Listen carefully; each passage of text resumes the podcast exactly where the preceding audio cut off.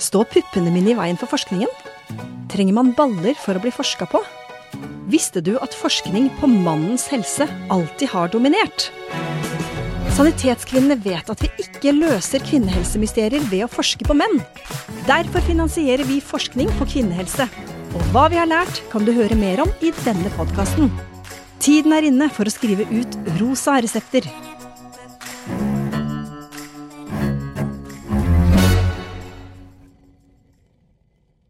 Hei, alle sammen, og velkommen til Sanitetskvinnenes lansering av podkasten Rosa resept. Sanitetskvinnene, hurra, ja, det kan vi faktisk si hurra til. Det er sånn at eh, Norske kvinners sanitetsforening har vært en aktiv aktør innenfor folkehelse og kvinnehelse i Norge i 125 år. Og i dag tar vi i bruk nye og innovative metoder for å formidle all den kunnskapen vi har om kvinners helse og forskning på kvinners helse gjennom en ny kanal, nemlig podkasten Rosa resept. Og den hadde aldri kommet til hvis ikke det hadde vært for Stiftelsen DAM, som skal komme opp mot slutten av sendinga og fortelle litt om hvorfor de valgte å gå sammen med Sanitetskvinnen og støtte vår, vår satsing på podkast og formidling av forskning gjennom podkast. Først litt om Rosa resept. Konseptet er en samtale med utvalgte forskere som forteller om resultater. Og så har vi også tatt med oss bruker- og pasientorganisasjoner som snakker om tematikken. Og når jeg sier tematikken, så er det tematikken innenfor de forskningsfelt som Norske kvinners sanitetsforening har valgt å støtte. Hvert år så bidrar vi med ca. 25 millioner kroner til forskning på kvinners helse.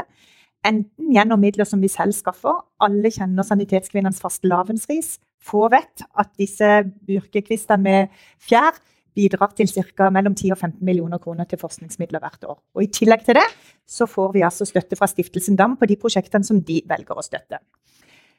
Nå er dere med på en live podkastinnspilling, så når dere er ferdige her, så kan dere laste ned denne episoden samt tre nye episoder som skal bidra til å gi alle mer kunnskap om kvinners helse og forskning på kvinners helse. Og vi skal slippe nye episoder gjennom året og også neste år.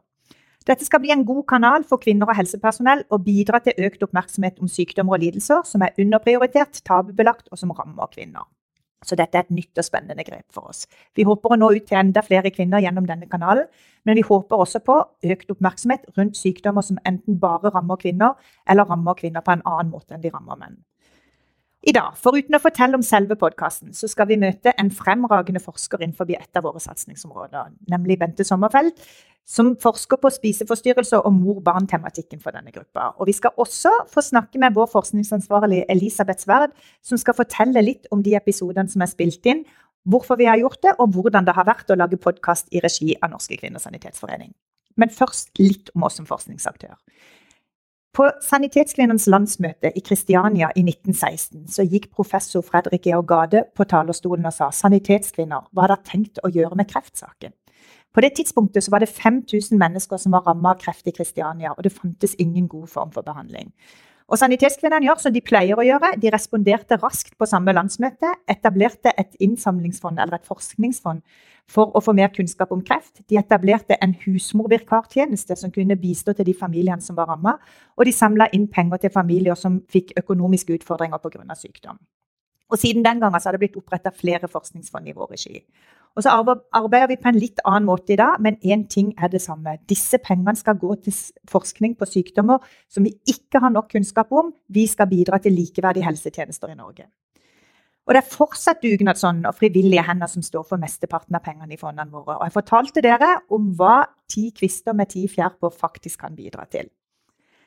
Vi er jo etter hvert blitt en stor forskningsaktør, og vi er opptatt av å ha god kvalitet i forskninga vår. Og For oss så betyr det å være sikre på at midlene går til forskningsprosjekter som er både innenfor vår strategi og når ut til våre målgrupper, og at de har kvalitet i forskningen.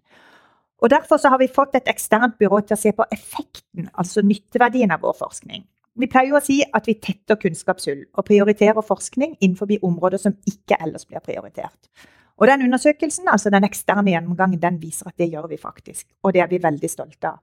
Resultatene fra undersøkelser viser også at vi gjennom prosjektene har vært fødselshjelpere til videre forskning som ikke hadde blitt prioritert om ikke NKS hadde gitt støtte fra starten. Et eksempel på dette er den forskninga vi har bidratt til innenfor systemisk sklerose. Det er den sykdommen som mange av dere husker at Gunhild Stordalen gjorde kjent. Og hvor NKS har hatt stor betydning med å bygge opp et forskningsmiljø i Norge, som også har generert et stort internasjonalt samarbeid. Og det tar tid å bygge opp forskningsmiljøer. Vi har også vært opptatt av å sikre prosjekter som bidrar direkte ut til behandlere, og dermed også pasientene, altså den kliniske forskningen. La meg komme med et eksempel. Vi vet at 46 000 kvinner i dag lever med en brystkreftdiagnose. Og mange som overlever brystkreft, opplever smerter og en rekke andre bivirkninger etter kreften, som angst, depresjon, tretthet eller seksuelle plager som et resultat av behandlinga. Og så vet vi at det er urovekkende lite oppmerksomhet rundt senskader knytta til brystkreft. Og fordi det er begrensa kunnskap om hva som er trygg og tilstrekkelig behandling for brystkreft, så vet vi også at mange pasienter blir overbehandla. For å redusere senvirkningene så har forsker Helle Kristin Skjerven forska på anvendelsen av en kombinasjon av et mindre inngripende behandlingsmetoder før operasjon, dvs. Si behandlingsmetoder som reduserer behovet for større kirurgiske inngrep. Og dette er forskning som vi vet har kort vei fra forskning til behandling, og som sikrer metoder som bidrar til at flere kvinner kan beholde sine bryster, og det reduserer senvirkningene. Flere uttrykker også at NKS er med på å sette dagsorden. Områder som før har vært underprioritert, får nå større oppmerksomhet. Og miljøene uttrykker at Sanitetskvinnene har et godt rykte, og at det å få støtte fra Sanitetskvinnene er et kvalitetsstempel. Det er mye jeg kunne fortalt om forskninga vår. Men nå skal dere høre direkte fra et fagfelt som både er underkommunisert og tabubelagt, og som vi sanitetskvinner er veldig opptatt av, og som i hovedsak rammer kvinner, nemlig spiseforstyrrelser. Og det som bare rammer kvinner knyttet til spiseforstyrrelser, er kombinasjonen av spiseforstyrrelser og graviditet. Derfor er vi veldig glade for å ha Bente Sommerfelt med oss i dag. Bente er psykolog og spesialist i klinisk psykologi for voksne og faglig direktør på Villa Sult. Og Bente, velkommen opp. Du skal dele litt av dine erfaringer med oss. Tusen takk. Kan ikke du fortelle først litt, Hvorfor er du interessert i spiseforstyrrelser og graviditet? Det er jo litt i tråd med den innledningen du hadde, Grete, er at uh, akkurat når det kommer til graviditet og dette med foreldreskap, så er det noen store kunnskapshull. Mm. Uh, og dette, når det kommer til også spisefryser, så ser vi at her er det sterk berøringsangst som helsepersonell. Men noe av berøringsangsten skyldes nok også at vi mangler kompetanser både i hvordan vi skal forstå hvordan svangerskap og tiden etterpå gjør at mange strever mer med mat og kropp. Når vi ikke helt forstår det, så er det også vanskelig å vite hva vi skal gjøre hvis vi får vite om det. Så vi vet ikke helt hva som faktisk kan være med på å hjelpe en mamma som strever med mat og kropp. Men er det ikke sånn at man bare kan ta en liten pause i den strevinga med mat og kropp og konsentrere seg om graviditeten når man går over i en ny fase i livet og skal, noe stort skal skje? Det hadde vært deilig. Ja. ja. Ehm, men noe av det som jeg tror vi ikke tar på alvor, og det er ikke bare for kvinner som har et anstrengt forhold til mat og kropp i utgangspunktet, mm. men det er jo at eh, svangerskap og foreldreskap er en stor endringsfase i ethvert kvinnes liv. Eh, og den endringen er jo noe som veldig mange kvinner strever mer med enn det man kanskje vet, eller som de kanskje sier. Og kanskje er det ekstra vanskelig for de kvinner som i utgangspunktet har et ansyn for mat og kropp, og som også kanskje av og til har hatt en tendens til å skulle ty til litt kontroll. For svangerskapet er jo en tid litt uten, altså uten kontroll. Mm. Det er en endring som skal skje, enten du vil eller ei. Eh, og den endringen er nok noe som setter i gang ganske mye vanskelige tanker og følelser, og også atferd hos en rekke kvinner. Og dette ser vi jo, det er høye tall. Eh, svangerskap eh, og barseltid er jo også en periode i livet hvor også en del mentale helseproblemer dukker opp igjen.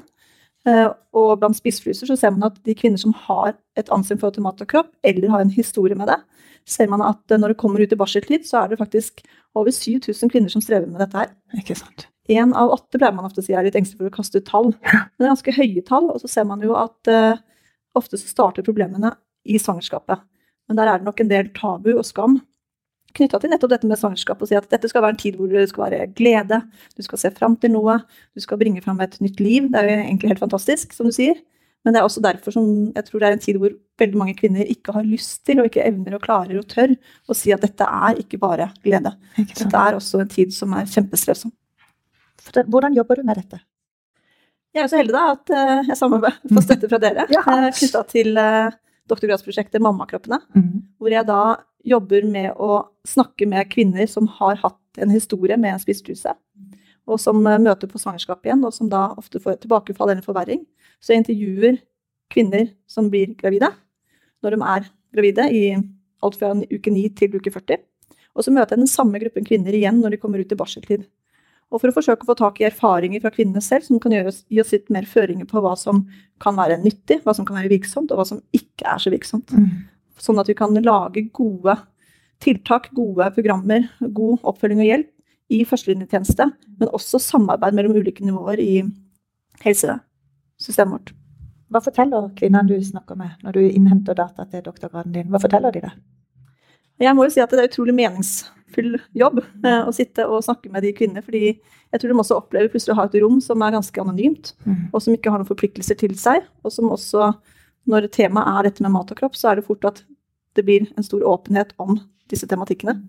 Og de forteller jo at um, flere ting. Jeg snakker med dem når de er gravide, om de er jo litt ulike faser, også tiden etterpå. Og det mange sier, er jo at eh, de ikke har turt å fortelle jordmor eller helsesykepleier eller behandler om at eh, dette med tanker og følelser knytta til mat og kropp tar så stor plass som det gjør. Mm. Så det jeg ser, er jo at svangerskapet, som man kanskje ikke har tenkt at er en så høy risiko med tanke på spisefryser, er absolutt en høyrisikotid.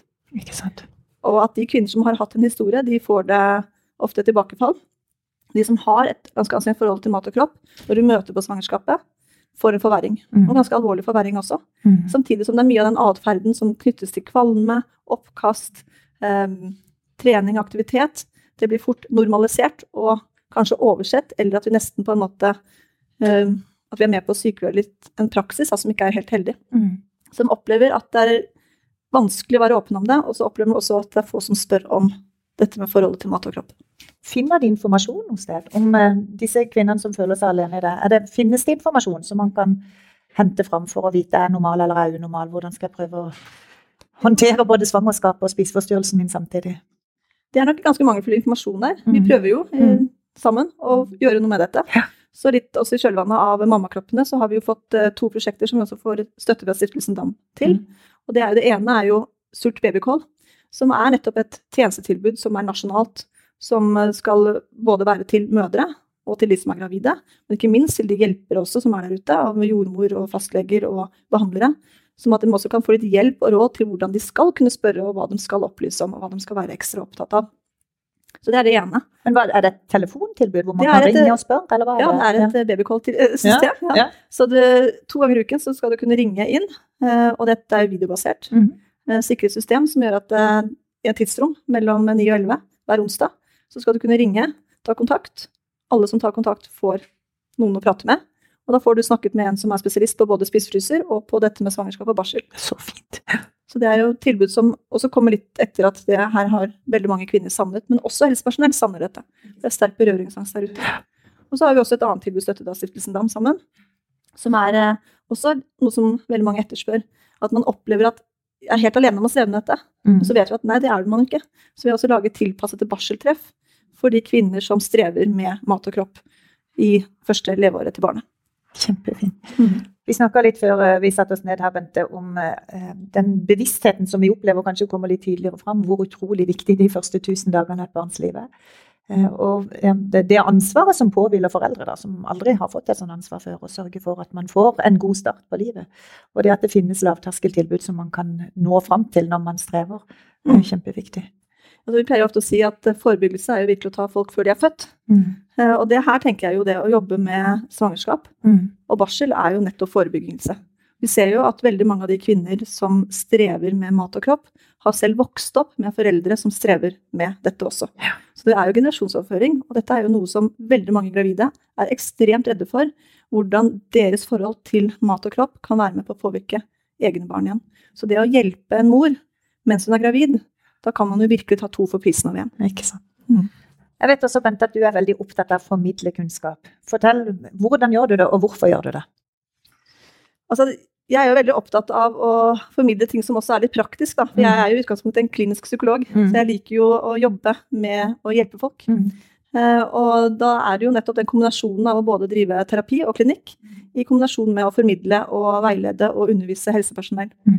Det syns jeg er en eh, fin kombinasjon, fordi da blir man også mer obs på hva som er hull, eh, og hva som er mangelfullt der ute, og hva man trenger av type kompetanse for å kunne være en trygg hjelper. Og det er nettopp det som også er litt eh, Grunnen for dette prosjektet her er jo nettopp også at det kommer fra helsepersonell. De har eh, gitt sterkt uttrykk for at de syns dette er vanskelig, samtidig som de ser at dette er et fenomen, dette er en praksis som øker der ute. Det er flere mødre som kommer med treningstights Ja. uh, enn det det var for bare fem år siden. Mm. Mm. Tusen takk, Bente. Både for at du er opptatt av tematikken, eh, men ikke minst for at du bruker mye av tida di til å formidle den kunnskapen du sitter med. Så det som når det som kan oppleves trygt, plutselig blir utrygt, eller det som man trodde man mestra, ikke, man ikke mestrer lenger, så vet man at det, det finnes et sted som man kan få hjelp vi er veldig veldig stolte av å ha deg i porteføljen vår. Vi er så jeg er takknemlige for å igjen kunne bidra inn i prosjekter som er innovative, og hvor det ikke finnes kunnskap fra før. Sånn at eh, Nå er du med i podkast nummer 147 eller 148 og forteller om kunnskapen din, men det er like viktig hvert sted du er. Så takk for at du både interesserer deg for fagfeltet, og at du er så flink til å formidle den kunnskapen som finnes. Tusen takk, Hette. Og så er jeg veldig fornøyd med at dere også setter på dagsorden tabubelagte temaer. Tusen takk. Ja, dere, da skal vi rett og slett få Elisabeth Sverd opp på scenen. Og Elisabeth Sverd er dama bak, sammen med flere andre flinke folk, Rosa Resept. For dette er rett og slett programlederen for de ulike episodene som har blitt spilt inn. Og Elisabeth har jobba for Norske kvinners sanitetsforening i over ti år. Ja, det er ikke 125 år. Det er ikke 125. Og det ser ikke sånn ut heller. Nei, jeg har vel vært der nå i en 12 12-13, tenker jeg. Ja. Ja. Mm. Og vært med på en stor utvikling av både forskningsinnsatsen vår, formidlingen vår, og hvordan vi jobber ulikt. Og det har i stor grad vært forankra i din ambisjon og styrets ambisjon for hvordan NKS skal utvikle seg som kunnskapsaktør. Ja, og ja. hvordan NKS skal utvikle seg for formidling. Mm. Formidling av kunnskap og formidling av forskning har vært viktig. Ja. Mm. Hvordan har det vært å lage podkast da, Elisabeth? Det gjør du ikke ja, hver dag. Nei, jeg lager ikke podkast hver dag. Det gjør jeg absolutt ikke. Men uh, dette er jo en del av det å være modig og nytenkende mm. uh, som forskningsaktør også. ikke sant? Å finne nye kanaler hvor man kan vise seg frem på. Og i og med at vi er 125 år nå og har satt forskning på virkelig dagsorden og agendaen vår dette året, så var det liksom naturlig at også vi skulle ta et skritt og gjøre podkast. Eh, og da var det jo gøy at vi fikk penger da, fra Stiftelsen Dam til dette. ikke sant? Så, så det syns jeg er liksom den profilen der, på å være nytenkende, tenke på hvor er det vi kan nå nye folk, eh, er viktig. Mm. Det er jo ikke nødvendigvis ofte sagt, men noen har sagt at forskere ikke alltid er like flinke til å formidle hva de har av kunnskap.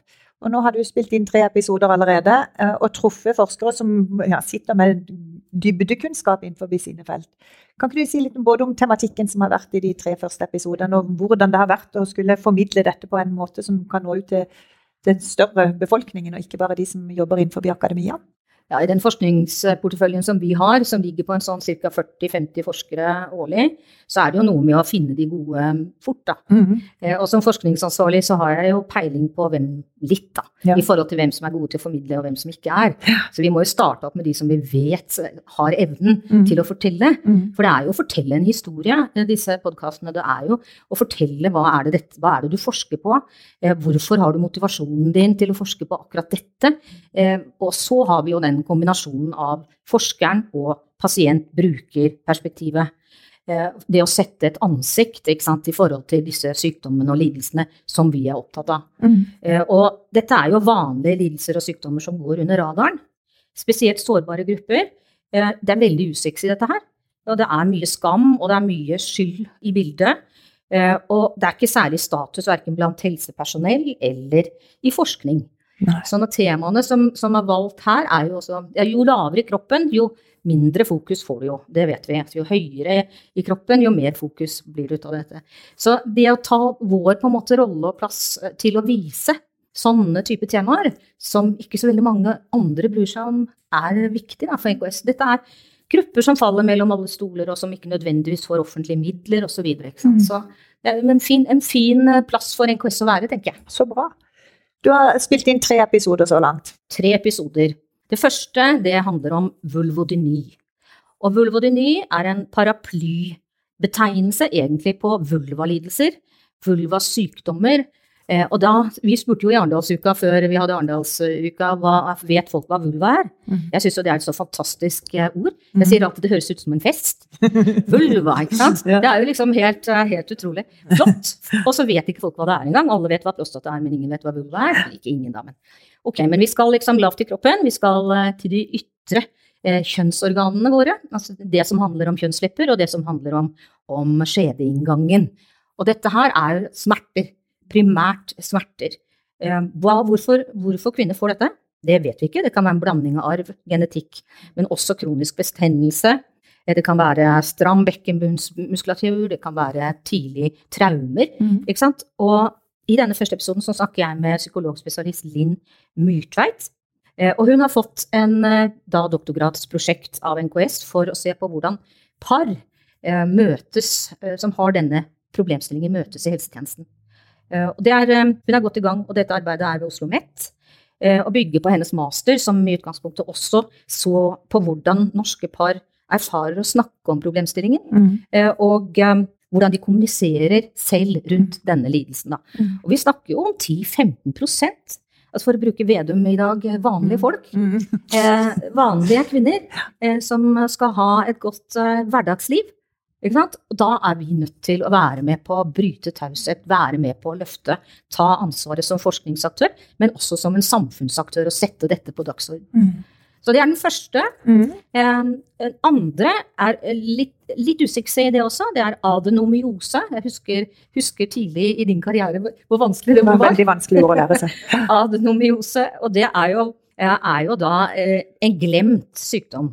For det er kjertler fra livmorslimhinnen som vokser inn i veggen på livmoren. Så det er ikke endometriose, som jeg pleier å si er sånn viltvoksende vev som omkranser eh, eggstokker og eggleder og tarm og sånn. Men dette er altså inn i selve livmoren. Det er en litt sånn glemt sykdom.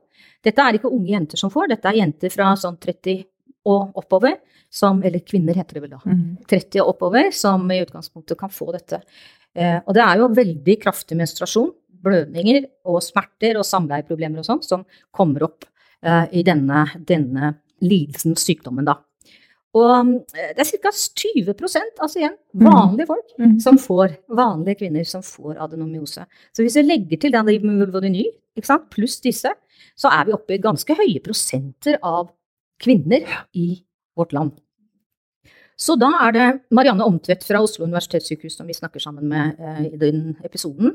Eh, og hun eh, forsker jo da på bakgrunn av det Tina Tellum gjorde i sin tid, som også var gynekolog som fikk sin doktorgrad og var en av de som var de første som har forsket på adenomyose, i forhold til å utvikle et diagnoseverktøy på hvordan finne ut egentlig at man har diagnose, eller har adenomyose.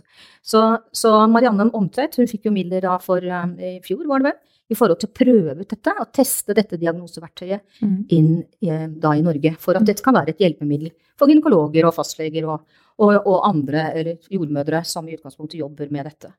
Så, og så hadde vi jo da Ane Uglum, som var brukerrepresentant med i dette, denne episoden. Og hun eh, fortalte rett og slett hvordan, eh, hvordan det er å leve med adenomyose. Altså hva det har gjort med livet hennes. Og så hva det gjorde når man fikk et tilbud. Eh, og alle som kjenner til adenomyose, vet jo at dette her Her kan man jo gjøre noe. Man kan fjerne livmoren. Mm. For det er livmoren som er problemet. Mm. Og det er klart at det er ikke så vanskelig når du begynner å bli kanskje 40, over 40 og sånn, men når du er 34 år og kanskje skal vurdere å få barn og sånn, så er det dette her ganske store, inngripende ting. Mm. Og det siste, ikke siste, men den tredje episoden vår, den handler om spiseforstyrrelser. Men den handler om spiseforstyrrelser i mer sånn, hva skal jeg si, overordnet plan. Hva, hvilke type spiseforstyrrelser har vi? For vi har jo mange mm. typer. Så det er jo ikke sånn så Eh, spissa, sånn som Bente jobber med det i forhold til graviditet. Men det er, og det er jo når tanker og følelser og handlinger tar over livet ditt, og, sant, knyttet opp til kropp og mat. Og, og, eh, det er jo utrolig dårlig tall på hvor mange er det som lider av spiseforstyrrelser. Det er veldig gamle tall. De sier at det er omtrent 50 000 mm. som har det. og Det sies ikke noe om kjønn, men vi vet jo at det er en, en stor andel kvinner. Um, det, men det er mørketall ute der. Så det er kanskje noe av det vi bør gjøre nå, er å gjøre en oppsummering egentlig på tall. Kartlegging. Ja. Da snakker vi med professor Jorunn Sundgaard Borgen på idrettshøyskolen, eller Norges idrettshøyskole. Og hun har jo forsket i en årrekke på spiseforstyrrelser. Og så har vi pasient-brukerperspektiv i dag også, fra en representant fra Overspisningsforeningen, mm. som uh, forteller sin hverdag å leve med dette. Ja. Og hun heter Mari Mette Graff. Så det er de vi har gående akkurat nå, mm. de tre. Ja. Men vi har jo da planer, og vi har gjort avtale med, med professor Hedvig Noreng. Mm. Så vi skal snakke om legemidler og svangerskap. Er det farlig? Er det farlig for mamma? Er det farlig for babyen?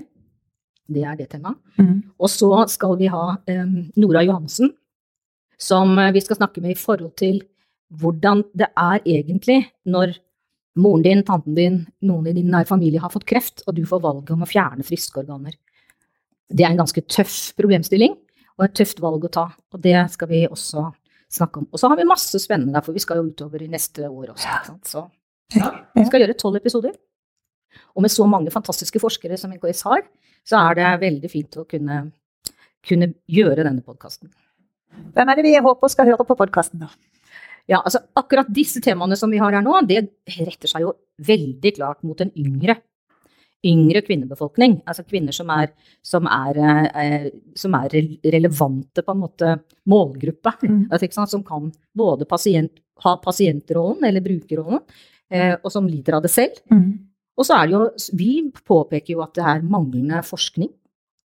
Så vi vil jo nå forskere på dette her, og så vil vi jo nå helsepersonell. Vi må huske på at innenfor vulvodyny, altså det er jo to poliklinikker nå som mm. gir tilbud for, for vulvapasienter. Mm. Eh, og den i Kristiansand er stengt. Eh, og det sier jo noe om Når vi snakker om så mange som det er, så er jo dette med tilbud og kunnskap hos helsepersonell også innmari viktig. Ja, så vidt jeg husker, så de to poliklinikkene er oppe én dag i uka hver. Ja, så det er altså, ikke noe heldagstilbud på alle sykehus? Nei, dette her er ikke noe, ikke noe, stort tilbud. Og, og, og vulvaklinikken på Oslo universitetssykehus, sin kvinneklinikk, den, den, gikk jo fra å være en nasjonal eh, tjeneste til å bli en Helse Sør-Øst-tjeneste. Eh, og så er neste er eh, oppe hos Berit Skei i, i, Trondheim, på St. Olav. Og den i Kristiansand, den stengte. Ikke sant. Så, så ja. Men, men, litt positivt å si om vulvodyni-pasienter, ja. fordi mange av de blir bra. Ja, Selv uten behandling. Ja. Ja, men det er jo det er viktig å formidle håp også. Ja, Absolutt. veldig viktig å formidle håp. Men det får man kunnskap om hvis man hører på podkasten. Det gjør man, og vi skal jo snakke, snakke, om mye annet også som ja. er usexy og, og plagsomt. Omreisende i de vanskeligste tjeneste. Ja, ikke sant? Hvordan har det vært å få fatt i Du fortalte om to av episodene som du har hatt brukerrepresentanter med. Hvordan mm. syns de det er å sitte og fortelle historien sin, og sitte sammen med en forsker som har mer kunnskap kanskje om din diagnose enn hva du har selv? Ja, Det som er rart, eh, det er jo det at du ser at de, blir, de, blir så, de er så motivert. Mm. De er så motivert til å dele sin historie, til å sette sitt ansikt på hvordan det faktisk er å leve med det her. Mm. Det, det syns de er i seg selv en stor motivasjon. Mm. Og eh, hun som kom inn for å snakke snakke om, eh, om adenomyose. Hun jo hjem fra ferie bare for å spille inn eh, podkasten, liksom. Ja. Og ikke krever de penger, og ikke mm. krever de noen ting annet enn at de vil formidle. Så denne formidlingsønsket er sterkt. Så, og det er jo ikke hver dag du får lov å snakke med en forsker som forsker på akkurat ditt tema heller, så det i seg selv er jo veldig fint òg. Absolutt. Så, så, nei, absolutt en, en, positiv opplevelse av at de syns at det er fint å være med. Ja. Jeg tenker også, Elisabeth, at Forhåpentligvis så kan disse episodene bidra til å kartlegge eller i hvert fall belyse hvor vi har manglende kunnskap. Eh, sånn at vi kan eh, oppnå det som er liksom våre langsiktige mål, nemlig at vi skal ha likeverdige helsetjenester i mm. likestilt Norge. Mm. Og sørge for at selv om du har vondt langt nede i kroppen, så skal du ha lik kunnskap om hva som skjer nede i kroppen og i forhold til hva som skjer på toppen av hodet. Mm. Heve, heve, status. Heve status, ja. heve status. Det er vår rolle som samfunnsaktør her også. Ja. Og så må vi jo si at det har skjedd noen, noe positiv utvikling. Det at vi får penger til å spille inn en podkast om kvinnehelse. Absolutt. Ja. At det står om kvinnehelse i regjeringens plattform. Ja. Eh, at den forrige regjeringen la fram seks løfter om bedre kvinnehelse. Satt ned et norsk offentlig utvalg for å sørge for at vi får en systematisk gjennomgang av hva vi vet og hva vi ikke vet. Mm. Så dette er et bidrag inn til et likestilt Norge og likeverdige helsetjenester. Absolutt. Mm. Tusen takk, Elisabeth. Både for at du engasjerer deg, og for at du er så kunnskapsrik.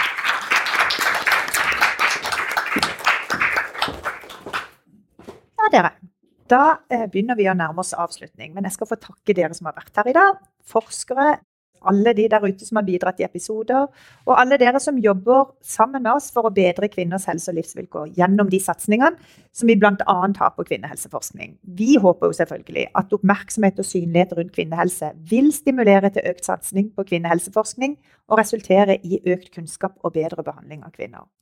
Og så vil det også bidra til å redusere stigma rundt tabubelagte lidelser, som det finnes lite informasjon om. Å ha en egen podkastepisode om vulva, som er det vakre ordet som Elisabeth uttaler med italiensk aksent, eh, er det ikke så veldig mange andre enn Sanitetskvinnene som lanserer episoder om. Det medisinske fagmiljøet blir stadig mer avansert og spesialisert. og Det gjør at populærvitenskapelig formidling og forskning på tvers av spesialisering er veldig verdifullt. Og Vi håper ved hjelp av denne podkasten at veien blir kortere fra forskning til anvendelse.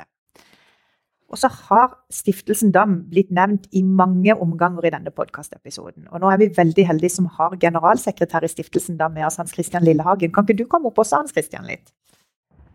For som jeg har nevnt tidligere, så er det sånn at den podkasten som vi lanserer så fint i dag, den er finansiert av Stiftelsen Dam. Hvorfor har dere engasjert dere innenfor dette fagfeltet, og hva gjør at dere har anledning til å gjøre det? Eh, jeg tror det kommer an på at altså det tror det er mye opp til sannhetskvinnen at dere setter dette på dagsordenen, at dette er viktig for dere. Mm.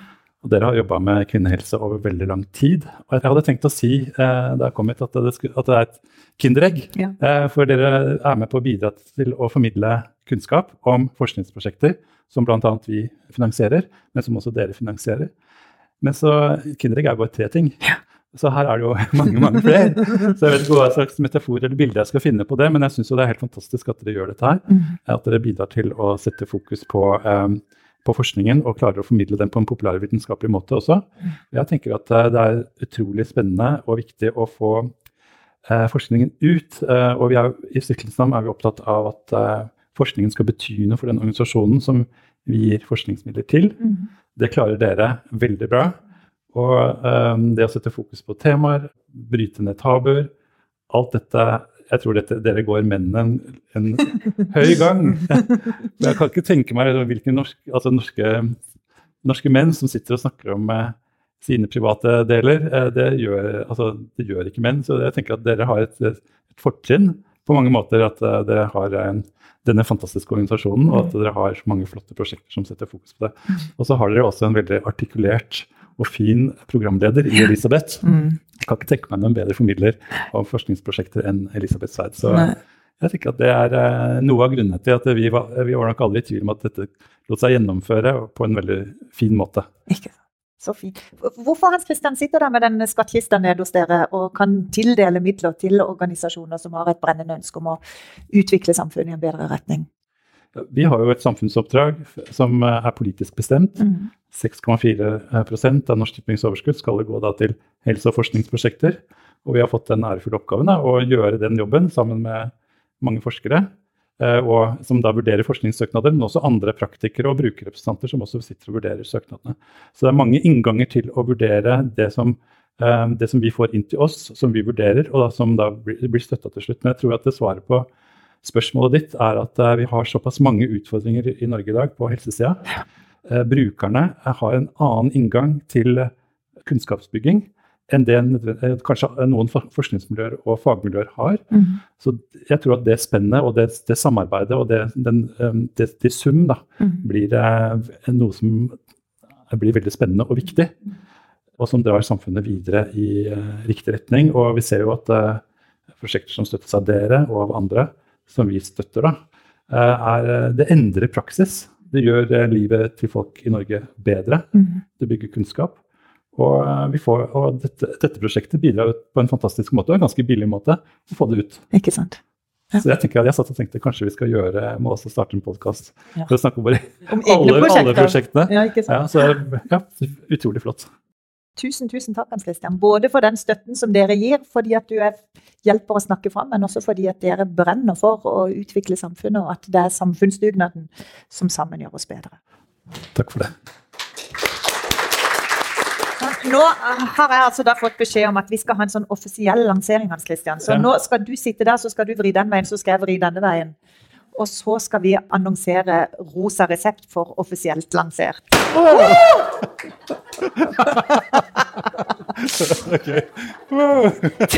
Og Rosa. Tusen takk til alle dere som kom, til dere som fulgte sendinga. Jeg håper dere har hatt glede av å være her i dag, og takk til alle som har bidratt til at vi har fått dette til.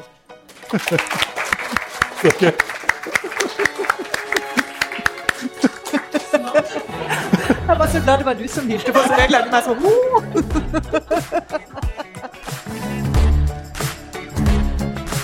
I 125 år har Sanitetskvinnene jobbet for å bedre kvinners helse og livsvilkår, og står for en av Norges største satsinger på kvinnehelseforskning. Du finner Rosa resept der hvor du lytter på podkast og i sosiale medier. Lenkene finner du i episodebeskrivelsen. Følg oss videre på veien mot likestilte helsetjenester. Nye rosa resepter skrives ut fortløpende.